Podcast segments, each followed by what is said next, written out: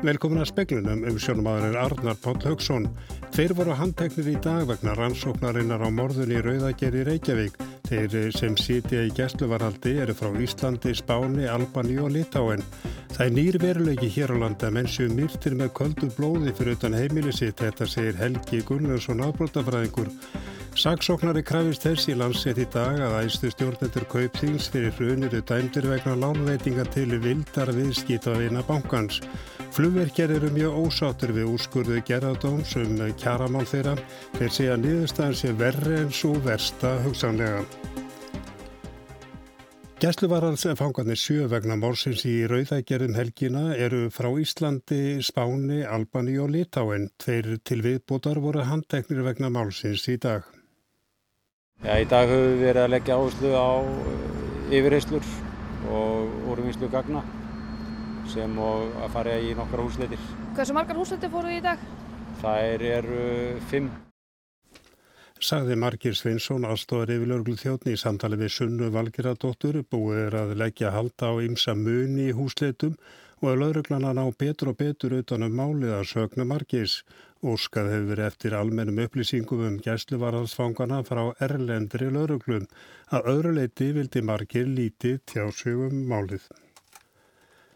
Helgi Gunnarsson afbrótafræðingur og professori í félagsfæði við Háskóli Íslands segir að það auki ekki öryggi í borgarann að vopna að væða almennan lauruglumenn. Morði Rauðager í Reykjavík um helgina sé hins vegar nýrveruleiki í íslensku samfélagi. Við höfum séð handrukkanir, við höfum séð mjög alvarlegt ofbeldi eiga sér stað á milli einstaklinga í, í þessum undirheimum, við höfum séð manndrópp í, í, í sem er eitthvað svona uppgjör í, undarheimum þannig að þetta er ekki, þetta er ekki nýtt að þýleiti en, en hins vegar er, er svona beiting skotvapna og vera, vera, og vera myrtur með köldu blóðu bara fyrir fram að sitt eigið heimili að þetta er eitthvað sem við hefum ekki séð áður og þar má við segja að, að þessi komum að mista okkur nýtt stig í þennan uh, heim hjá okkur, hann afbráta heim segir Helgi Gullarsson og nána verður rætt við hann síðar í speklinum. Lánvettingar kaupþings til vildar virskitafinna rétt fyrir hrun eru sambarilegar altan í málinum og markars misnótkunamáli bankans, sagði saksóknari í landstrétt í dag.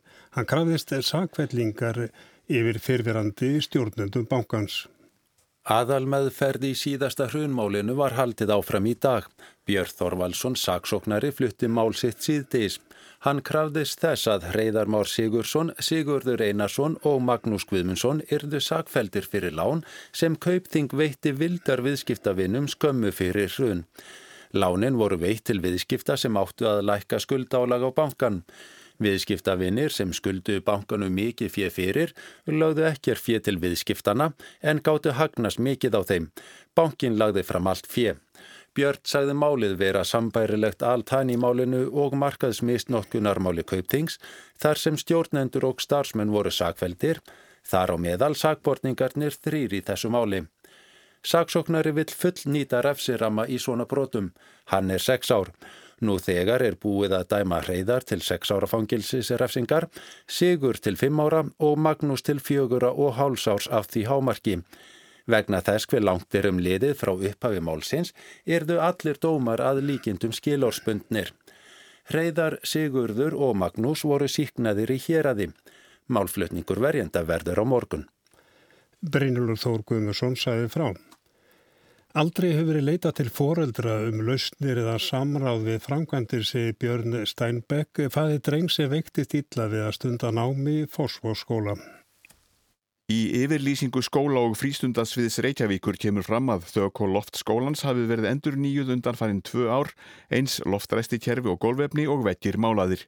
Einkenna hafi þó strax orði vart eftir að börnin mættu aftur í skólan. Björn segir ekki tekið marka á umkvörtunum foreldra og að meiri hlutin vitni alltaf í að meirinn hálfum miljardi hafi verið varið í framkvæmdir við skólan. Þessi skýrsla sem kom út í dag er rauninni fekur þann málflutning sem hefur verið þar ítrekkað og hérna ljósta skólinn er ennþá mengaður. Björn segir á annan tug barna að finna fyrir einkennum og að foreldrar hafi fært börn sín milli skóla. Miklugróin berist í lofti og börnin finni ítla fyrir einkennunum.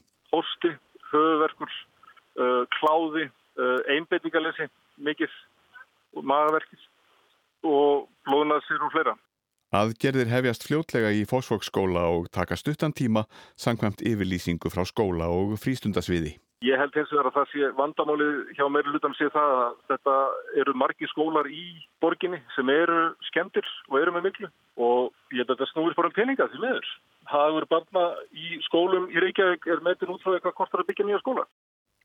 Þetta var Björn Steinbeck, Markus Þór Þóraldsson tók saman Það er ekki hægt að ætlasti þess að fyrirtæki taki viðbótar kostnaðin og vinnuna sem fælst í að byggja lofslagsvætni hús alfarð á sig. Þetta segir Gilvi Gíslason, framkvæmdastjóri verktaka fyrirtækisins Jáverks, nýstofnaður samstarfsvettangur ríkis og fyrirtæki í mannverkjagerð byggjum grænni framtíð á að setja fram tímasett markmiðum hvernig megi dragur kólefnislósun í byggingageranum fyrir árið 2030. Það er ekki sjálfgefið að enga fyrirtæki takið þetta á, á kassan í því að, að, að það vantar auðvitað alla hagræna kvata til þess að byggja umhverju er þó vissulega eins og Hafnarferðarbæra hefur gengið fram með góðu fordæmi og gefið afslátt af, af gatnagerðarkjöldum eða lóðarkjöldum. Þá væri mjög æskilegt að, að það væri fleiri hagræni kvata því að það myndi alveg klárlega íta fleirum á stað og, og það er það sem þarf. Ertu með einhverja ákveðna kvata í huga þá? Þeir geta verið allavega, það er auðvitað þekkt dæmi um að, um að endur greiða hérna rannsóknar og þróunarkostnað til dæmis í nýsköpun, það geti verið eitt dæmi. Gilvi telur það að hugsa um umhverjismálun eigi eftir að skila sér í auknum gæðum og betri samkeppnishæfni en innviðinir séu flöskuháls. Stundu þurfa að knýja dísilrafstöðar vegna skorsa og rafmagna á byggingastöðum og það séu mörgdæmum sóun. Nýlega hafi til dæmis orði 40% afföll af efni í utanhúsklæningu því það var aðeins í bóði að kaupa ákveði magn. Geimjepp Jeppin Perseverance eða þrautsegja lendir á Mars í kvöld ef allt gengur áskum, kann á aðstæðu fyrir mannaðan leiðangra framtíðar til rauðu plánutunar. Jeppin lendir í Jeserógíknum um klukkan nýju í kvöldað íslenskum tíma. Í honum er bor sem getur sótt síni úr jarðvegi Mars svo hægt verða aðtuga hvort örverur hafi einhver tíman lifað á reykistjörnunni rauðu. Þar að auki verða skilirði fyrir mannaðarferðir aðtuguð. Og auðvitað hluta því sem við skoða líka með þessum tólum og tækjum að skilja hvernig getum við verið á Mars. Og við getum verið það til lengri tíma, ekki bara setja niður fót og flagg og fara svo heldur að geta rannsakað mars og, og, og, og hérna verið þarna lengra heldur en bara í örfáar vikur. Sagði Ari Kristinn Jónsson, rektor Háskólans í Reykjavík í síðdegis útvarpinu á Rás 2. Ari Kristinn vann áður hjá bandarísku gemvísindastofnuninni NASA meðal annars við undirbúning fyrir ferða gemjeppa á Mars. Hann þekkir vel hversu spennu þrungið loftið er rétt fyrir lendingu. Þá kemur þessi ógulega tauga trekkjandi byggtími þar sem engin veit neitt hvernig hefur gengið. Uh, síðan lendi farið algjörlega sjálfkafa, uh, þarf aðeins að koma sér fyrir og svo þegar það er búið að koma sér í gang þá sendir það fyrstu skilabóðin bara um að það hafi, hafi lent heilt, heilt að húfi. Þetta var Ari Kristíni Jónsson, Róbert Jóhansson tók saman. Það er bannað að hósta á aðra á tímum heimsfaraldurs. Þetta er niðurstaða hæstarétta Danmerkur. Tvítur Dani var í dag dæmdur í fjóra mánuða fangilsi fyrir að hósta á lauruglumenn. Danin Tvítui var handtekinn í miðborg Árósa í mars í fyrra. Það var útgöngubann í gildi í Danmörku en þegar lauruglumenn ætluð að stöðvan í umferðinni hóstaðan í áttina að þeim og kallaði um leið korona. Hann var sakveldur í borgarétti Árósa í fyrra, síknaður á Evradómsdí en hæstiréttur sakveldan í dag. Málaferlin snýrust engum um það hvort hóstin geti flokkast sem ógnandi haugðun. Hæstiréttur staðfestir með dómi sínum að svo sé en tekið er sérstaklega fram í dómnum að það sé ekki glæpur í sjálfu sér að smita aðra. Harðar sótvarna aðgerðir eru enni gildi í Danmörku en þar greinast nú rúmlega 400 með veiruna daglega. Aðgerðunum hefur verið mótmælt síðustu vikur en mikill meiri hluti dana stuttið er. Það vilist hafa dreyið úr þeim stuðningi en sangvað nýri konun telur tæpur þriðjungur dana að aðgerðir yfirvalda gangi og langt. Stjórnarnastaðan hefur gaggrínt yfirvöld fyrir að slaka ekki á sótvörnum nú þegar aðeins nokkur hundru smitt greinast og þessi bylgja faraldur sinns í Danmörku á hraðri nýðuleið. Bjarni Pétur Jónsson saði frá.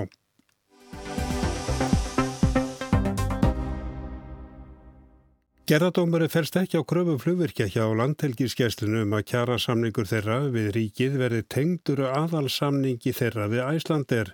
Það hafi raun verið bannað sangvað lögum frá 2006. Flugvirkjar eru ekki sáttir og segja að niðurstaðan sé verri en versta hugsanlega niðurstaðan. Verkvall flugvirkja hjá landhelgiskesslunni stóði yfir í þrjár vikur í haust og hófst 7. november og laug með lagasetningu 27. november. Það hafði fljótlega áhrif á þyrlu og flugvílakosti gæslunar, samningað verðaður gengur styrlega og þær styrust kannski ekki fyrst og fremst um launahækkanir heldur um hvort að kjærasamningur flugvirkja ætti áfram að tengjast kjærasamningi félagsins við Æslandir. Þannig hafði það verið árum saman. Ríki vildi klippa á þennan streng og gera sjálfstæðan samning við flugvirkja eins og aðra ríkistarsmenn og Guðmundur Úlvar Jónsson, formaði flugverkafélagsins, útskýrði í speiklinum hvers vegna þeir vildu þessa tengingu.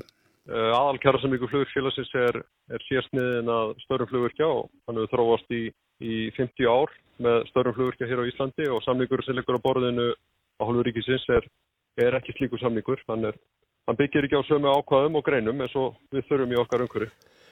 Í lok nógumber var svo komið að vegna verkvalsins var korki þýrlanir flugvél til taksi á landilgiskjæstunni. Samdægus 27. nógumber voru lögsett á deiluna og verkvalli stöðvað. Gerðardómi var falið að finna lausna á deilunni. Virðulegi fórseti, sáttatilrunni í málinu hafa engan árangur borið og engin lausn er í sjónmáli eftir að flugvirkjar höfnuðu sáttatillögu ríkisáttasemjara í gerð. Brýnt er að bregðast við til að binda enda á það neyðarástand sem uppi er komið. Kjaradeilin varðar sem fyrr segir almannahagsmuni og almannaöryggi. Saði Áslög Árna Sigurbjörnsdóttir dómsmálaráþra á allþingi þegar lögin voru sett á deiluna. Gerðardómir hefur nú komist að niðurstöðu. Verkefni hans var að skera úrum hvor leiðin er þið farin, að halda tengingunni við aðalsamning flugverkja eða gera við þá sjálfstæðan kjarasamning eins og ríki vildi. Ákvæði hefur verið í kjærasamningi flugverkja við gæslunum að launahakkanir er fara eftir aðalsamningi þeirra eða samningi flugverkja við Æslandir. Ímis önnur hlunnindi og greislur hafa verið bundin aðal samningnum. Niðurstaða gerðardóms er að klippa á þetta samband í raun hafi verið óheimilt að semja þessu nótum. Það hafi reynilega verið banna sangvand lögum um landilískjæstuna frá árinu 2006. Þá voru greinar sem heimilu þessa tengingu feldar niður og í greina gerð með frumvarpinu segir orður rétt.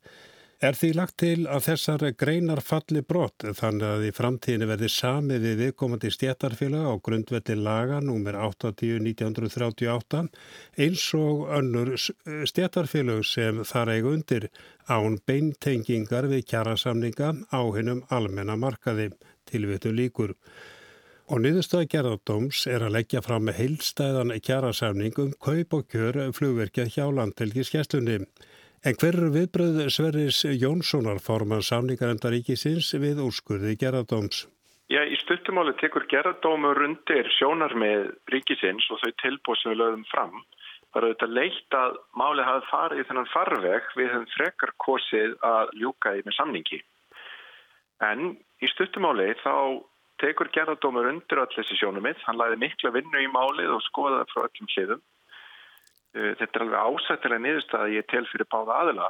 Flugvirkjar, þeir fá ábara fína niðurstöðu og ég sjálfur sé betri niðurstöðu í launahækkunum en þeir sjálfur fóru fram á. Og til lengri tíma þá er ríkið komið með samningsmádel sem að hendar aðstæðum og, og rekstri landtilgiskeslunar en ekki fyrirtæki á engamarkaði. Segir Sverri Jónsson en Guðmundur Úlvar Jónsson, formadur Flugvirkjafélags Íslands, er ekki sátur. Þetta er versta hugsanlega niðurstaða og við áttum ekki beint vona því að við þyrtum að gangast við alveg glænjum samning og, og tengingalösum samningið þokkabót. En finnst ykkur að þessi að, að tapa miklu á þess, þessari niðurstöðu? Já, sem gerist er það, er það að við náttúrulega töpum ákveðnu köplum úr samningur sem að lútera á flugurkjum sérstaklega og flugurkjastörfum og þar að auki er búið að eiga við álaskriðslur og, og færa upp uh, reynslu tíma til þess að mann geti, geti fengið álög eftir einhvern ákveðin tíma í starfi og verða þar að leiðanda 20.000 í, í laun En nú er það þannig að uh, gerðdómi bendir á það að þessi tenging hafi raun ekki verið heimil sangvænt lögum allt frá 2006. Er þið ekki sammála því? Uh, í lögunum 2006 er, er talað um að, að hún þurfi ekki að vera en, en það er ekkert sem bannar hana. En aftur á móti að þá er tengingin eitt og, og svo er náttúrulega heildar kjærasamningurinn annað og, og að taka kjærasamningin úr gildi er, er náttúrulega mjög stórt skref í, í þessu öllu saman og mjög slemt fyrir hlugurkja. En staðan þessi að þið verðið að unna þessu? Já, við þurfum að unna þessu, já. Þetta var Guðmyndur Úlvar Jónsson.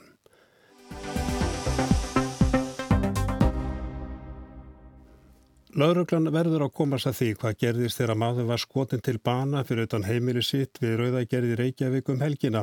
Þetta segir Helgi Gullnússon, afbrótafræðingur og prófessor í félagsfræði við Háskóli Íslands. Hann segir að þessi nýr veruleiki hér á landi að menn séu myrtir með kvöldublóði fyrir utan heimili sitt. Leiðinn til þess að komi vekk fyrir að svona endurtæki sig sé að draga úr eftirspurnu eftir fíknuefnum. Það auki hins verð ekki öryggi borgarana að vopna væða almenna lauruglumenn. Þetta er óhugdælegur atbyrður og við erum alls ekki vön atbyrð með þessu tægi sem, sem, sem, sem betur fer og það það sem ég held að sé skipti í megin máli núna er að það fáist einhver lausn á þessu máli. Þar að segja að lögreglan leysi þetta mál.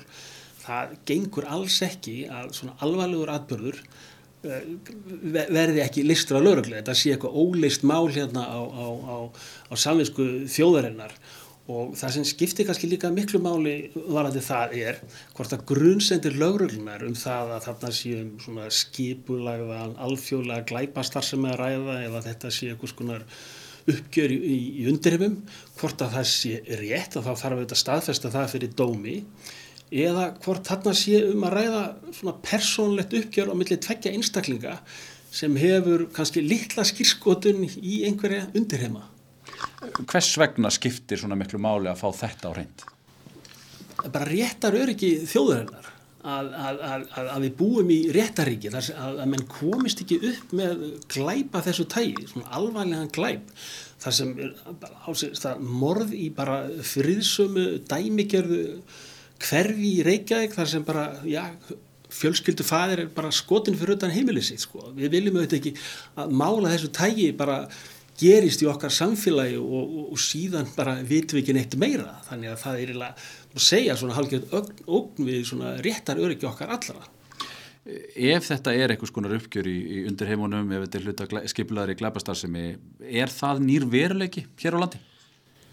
Já, aðtæfi sjálft er það. Við hefum ekki séð aðtæfi þessu tægi í okkar samfélagi en við hefum samt séð ímismerki um skipulaðri glæpastarsemi á Íslandi þar sem bæði svona útlætingar og íslendingar koma við sögu við höfum séð handrukkanir við höfum séð mjög alvarlegt ofbeldi eiga sér stað á milli einstaklinga í, í þessum undirheimum við höfum séð eh, manndróp eh, í, í, í þessum er eitthvað skoðum uppgjör í undirheimum.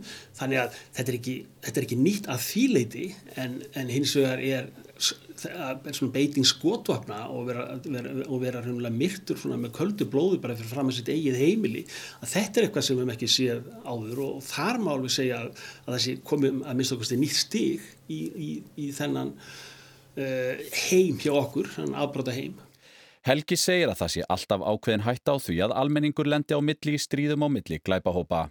En er eitthvað hægt að gera til þess að reyna að koma í veg fyrir að svona nokkuð endur taki sig?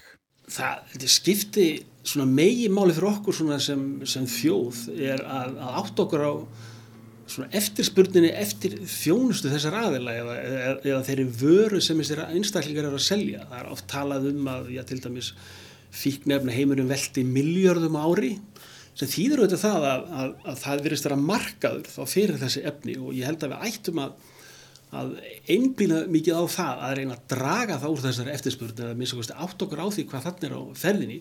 Og ef við drögum úr eftirspurninni að þá mingar frambóðið en e, ef við kannski bara tökum út þessa einstaklinga sem eru raunverulega annað þessari eftirspurn að þá fáum við bara eitthvað aðra í staðin sem, sem sjá þarna hagnaðun og, og ef þetta er rétt sem lauraglann telur og að þarna séu mjög stóran marka að ræða sem skiptir kannski miljurum eða miljuratugum ári þá er þarna mjög mikla hagna að vona að ræða fyrir einstaklingar sem eru að leita slíku. Eh, það náttu hlut menn sem eru af erlendu bergi brotnir, einhverju vilja meina svona glæpir séu óhjákvæmilegur, fylgifiskur, fölgunar innflytjenda, er eitthvað til í því? Sko við þurfum að hafa í huga að, að, að innflytning hjá okkur hefur fjölgað mjög mikið á, á þessari öld. Ég meina bara um síðustu öld þá voru þetta hvað 7.000 innflytndar á Íslandi en þeir eru komin yfir 50.000 í dag. Þannig að fjölgun í Íslandu samfélagi hún er og, fyrst og fremst vegna innflytnda en innflytndu þeir eru sjálf og sér bara eins og annað fólk. Þeir eru bara eins og, og, og Íslandingar og þeir er að gera fullt af góðum hlutum í íslensku samfélagi en, en einhver hlut ílfinda er tengdur eh, brotastarfsemi, alveg som íslendinga. Það hefur verið mikil umröða eftir þetta hvort lauruglan þurfi að, að vera vopnuð í, í sínum daglegu störfum. Hvað viltu segja um það? Það, það er, er eðleitur laurugla að, að sífælt að velta fyrir sér hvernig er best að haga viðbúnaði gagvart uh, lögbrótum og aðbrótum í, í okkar samfélagi og ég, ég ger alveg ráð fyrir því að lauröklann séum að fara í gegnum þetta akkurat núna. Spurningin hvort að við ættum að fara að vopna hverju einstökur lauröklu eða lauröklu þjón á, í samfélaginu. Ég stórefast um að það minna auka öryggi okkar. En er það neikvægt ef að lauröklumenn fara að ganga með eins og skambissu í, í beltun eins og maður sér við það elendis? Sko, þá verðum bara að hafa í huga að, að í samfélagum sem börjum til dæmis sama Svíþjóð og Nóri Svíþjóð þá eru einstakar einstakir lögleþjóðan þeir eru vopnaður en, en, en ekki Nóri að þar er bara oftar gripið til vopna og, og, og skotvopna í Svíþjóð en, en í Nóri og þar verða, ég segi ekki alltaf svona slisaskot en þar koma upp uh, mál í samfélaginu þar sem uh, vopnum beitt og borgar að deyja og stund, stundum uh, eh, lauruglumenn líka. Og það er ríkara mæli enn í Nóri sem er mjög sambarlega samfélag mörguleiti allavega við, það, það veitir svona, svona falskt öryggi að fara að, að, að, að, auka vopnabröð laurugl hvað, hvað, hvað þetta snertir. En, en samt sem áður, lauruglun verður á hverjum tíma alltaf að velta fyrir sér þessu viðbúnaði og, og, og við viljum auðvitað að lauruglan geti tekið stáfið eh, vanda af þessu tægi og þess vegna verðar að vera vel þjálfær og, og hafa raunverulega uh, já vera þannig búnir að þeir geti tekið stáfið aðstæðar að þessu tægi og ég ger alveg ráð fyrir því að lögreglan sé akkurat að, að meta þetta þessa, þessa stundina. Ákveðin hátt er best að, hérna, að, að verjast þetta um þessu tægi og ég efast stórlega um það að þó lögreglan eh, hefði verið vopnuð þarna hver einasti lögreglu þjóttni um síðustu helgi sko að hefði breytt eina en einu varandi þetta aðtafi sem átt sér stað þarna um síðustu helgi. Sagði Helgi Gunnarsson Jóhann Bjarni Kolbinsson talaði við hann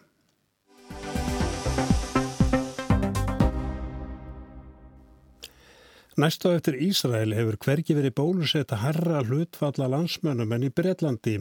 Í ágúst er þess vænst að búið verða bólusetti alla breyta tvísvar sinnum.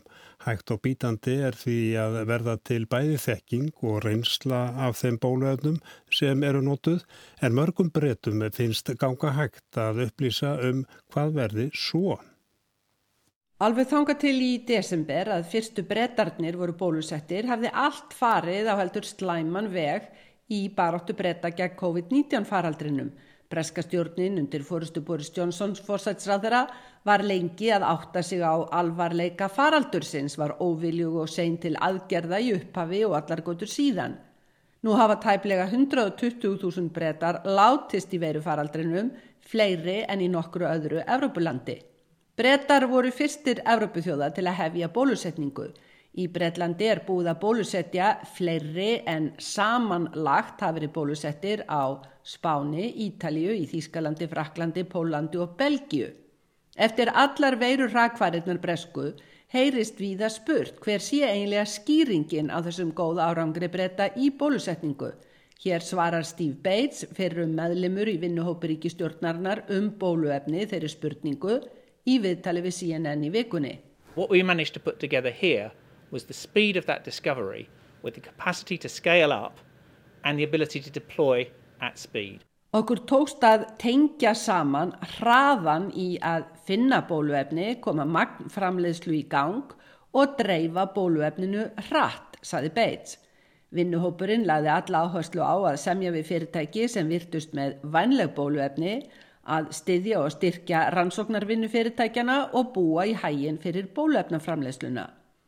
Í fyrstu virtis sem það að koma bólusetningunni af stað væri eitt en að ná að bólusetja einhvern verulegan fjölda á dag væri annað. Það vantaði mikið upp á að næðist að bólusetja nokkrar miljónir fyrir jól eins og stemt var að. Stjórnin herti þá enn lofurðin, markmiðið að bólusetja skilgreinda forgangshópa um miðjan februar. Það er fólk yfir áttrætt, áhættuhópa og starfsfólk elli og umönunar heimila, alls 15 miljónir. Þetta þótti bratt en það gekk eftir. Búið að bólusetja ríflega 15 miljónir manna á mánudagin var eins og til stóð. Um halv miljón manna er bólusett daglega. Míða við þetta og að breytar hafa nóg bóluefni er markmið nú að það verði búið að tví bólusetja alla fullortna breyta í ágúst. Ein veigamikil breyting var gerð eftir að bólusetningin fór svona heldur skrikkjótt af stað. Það þarf að tví bólusetja til að ná fullri virkni og það áttu að líða þrjár vikur milli bólusetninga. Í staðis að fylgja þessari forskrift framleðenda var ákveðið að leggja heldur alla áherslu á að bólusetja sem flesta sem fyrst en láta þá líða lengra á milli skamtana tveggja. Bresk heilbriðis yfirvöld töldu það verið lægi, lengri tími milli skamta drægi ekki úr virkninni. Ávinningurinn þá sá að fleiri fengju einhverja vörd sem fyrst í stað þess að færri fengju fulla vörd. Rannsóknir hafa sínt að þetta er líklega ekki til skada. Það er smá vísbending um að bólusetningin sé þegar farin að hafa áhrif. Það veikist nú færri í hópum sem hafa þegar verið bólusettir. Útbreyslan er þó enn mikil, mest í yngri aldurshópum þráttur í strángar lokanir síðan fyrir jól. Áður en bólusetning hófst var aukur um að tölverður hluti fólks myndi ófús að láta bólusetja sig. Bólusetningin hefur þó fallið í kram eldri borgara en meðal fólks af afrískum og asískum ættum hefur áhuga bólusetningu verið minni. Engar áhugjusamlegt þar sem margt fólk af þessum uppruna vinnur í heilbriðskerfinu. Einn þeirra sem hefur sérstaklega talað til þessara hópa er Jonathan Van Tam, aðstóðar landlæknir Englands, sem er sjálfur af vietnamskum ættum. This virus just doesn't care what ethnic background you're from. It just doesn't care about the color of your skin or where you live in the world or, or any of these things. It just cares that you're a human being. Veirun er alveg samum þjóðartin fólks en er sama hvernig fólk er á litin eða hver í heiminu það býr. Ekkert af þessu skiptir máli, bara hvort þú ert mannvera, sagði Fantam nýlega. En einmitt að því bólusetningin gengur vel gætir vaksandi óþólinnmæði í Breitlandi að hægt verði sem fyrst að opna á þjóðlífið aftur. Þingmenn stjórnarflokksins áberandi óþólinnmóðir. Næstu tilkynningar fósætsráð þeirra um veirureglur er að vænta mánudaginn 22. februar. Erfitt að segja hvað verður ofan á en engin spurning að breytar eru búin að fá verulega nóg af einangrun og lokuðu landi. Bólusetningin ítir klárlega undir löngun til að sletta úr klaufunum. Sigrun Davísdóttir saði frá og lítum aðeins til veðurs, norðaustan 8-15 og skíða með köplum en þurft að kalla á morgun en hægari vindur og dálitileg slitta eða snjókoma á norðaustan til. Frost 0-5 stig en hiti 0-4 stig með söður ströndinni. En við sögum meðlans frá því í speklunni kvöld að tveir voru handteknir í dag vegna rannsóknarinnar á morðinu í Rauðagerði í Reykjavíkum helginam. Þeir sem sitja í gæsluvaraldi alls sjö manns eru frá Íslandi, Spáni, Albaníu og Litáen. Það er nýr veruleiki hér á landi að menn séu myrtir með köldu blóði fyrir utan heimili sitt. Þetta segir Helgi Gunnlaugsson ábrótafræðingur. Saksóknari krafist þessi í landsitt í dag að æstu stjórnendur kaupþingsi fyrir hrun eru dæmdir vegna lánveitinga til vildar viðskita vina bankans. Hann vill að refsiramin verði full nýttur en viðurkendi að vegna þess hversu langt er liði frá upphæðu málsins verði refsingin skilárspundin og flugverkjar eru mjög ósáttur við úrskur gerðadómsum kjaramál þeirra. Þeir segja niðurstaðan sé verri en svo versta hugsalega. Mark Eldred var tæknumari kvöld verið í sæl.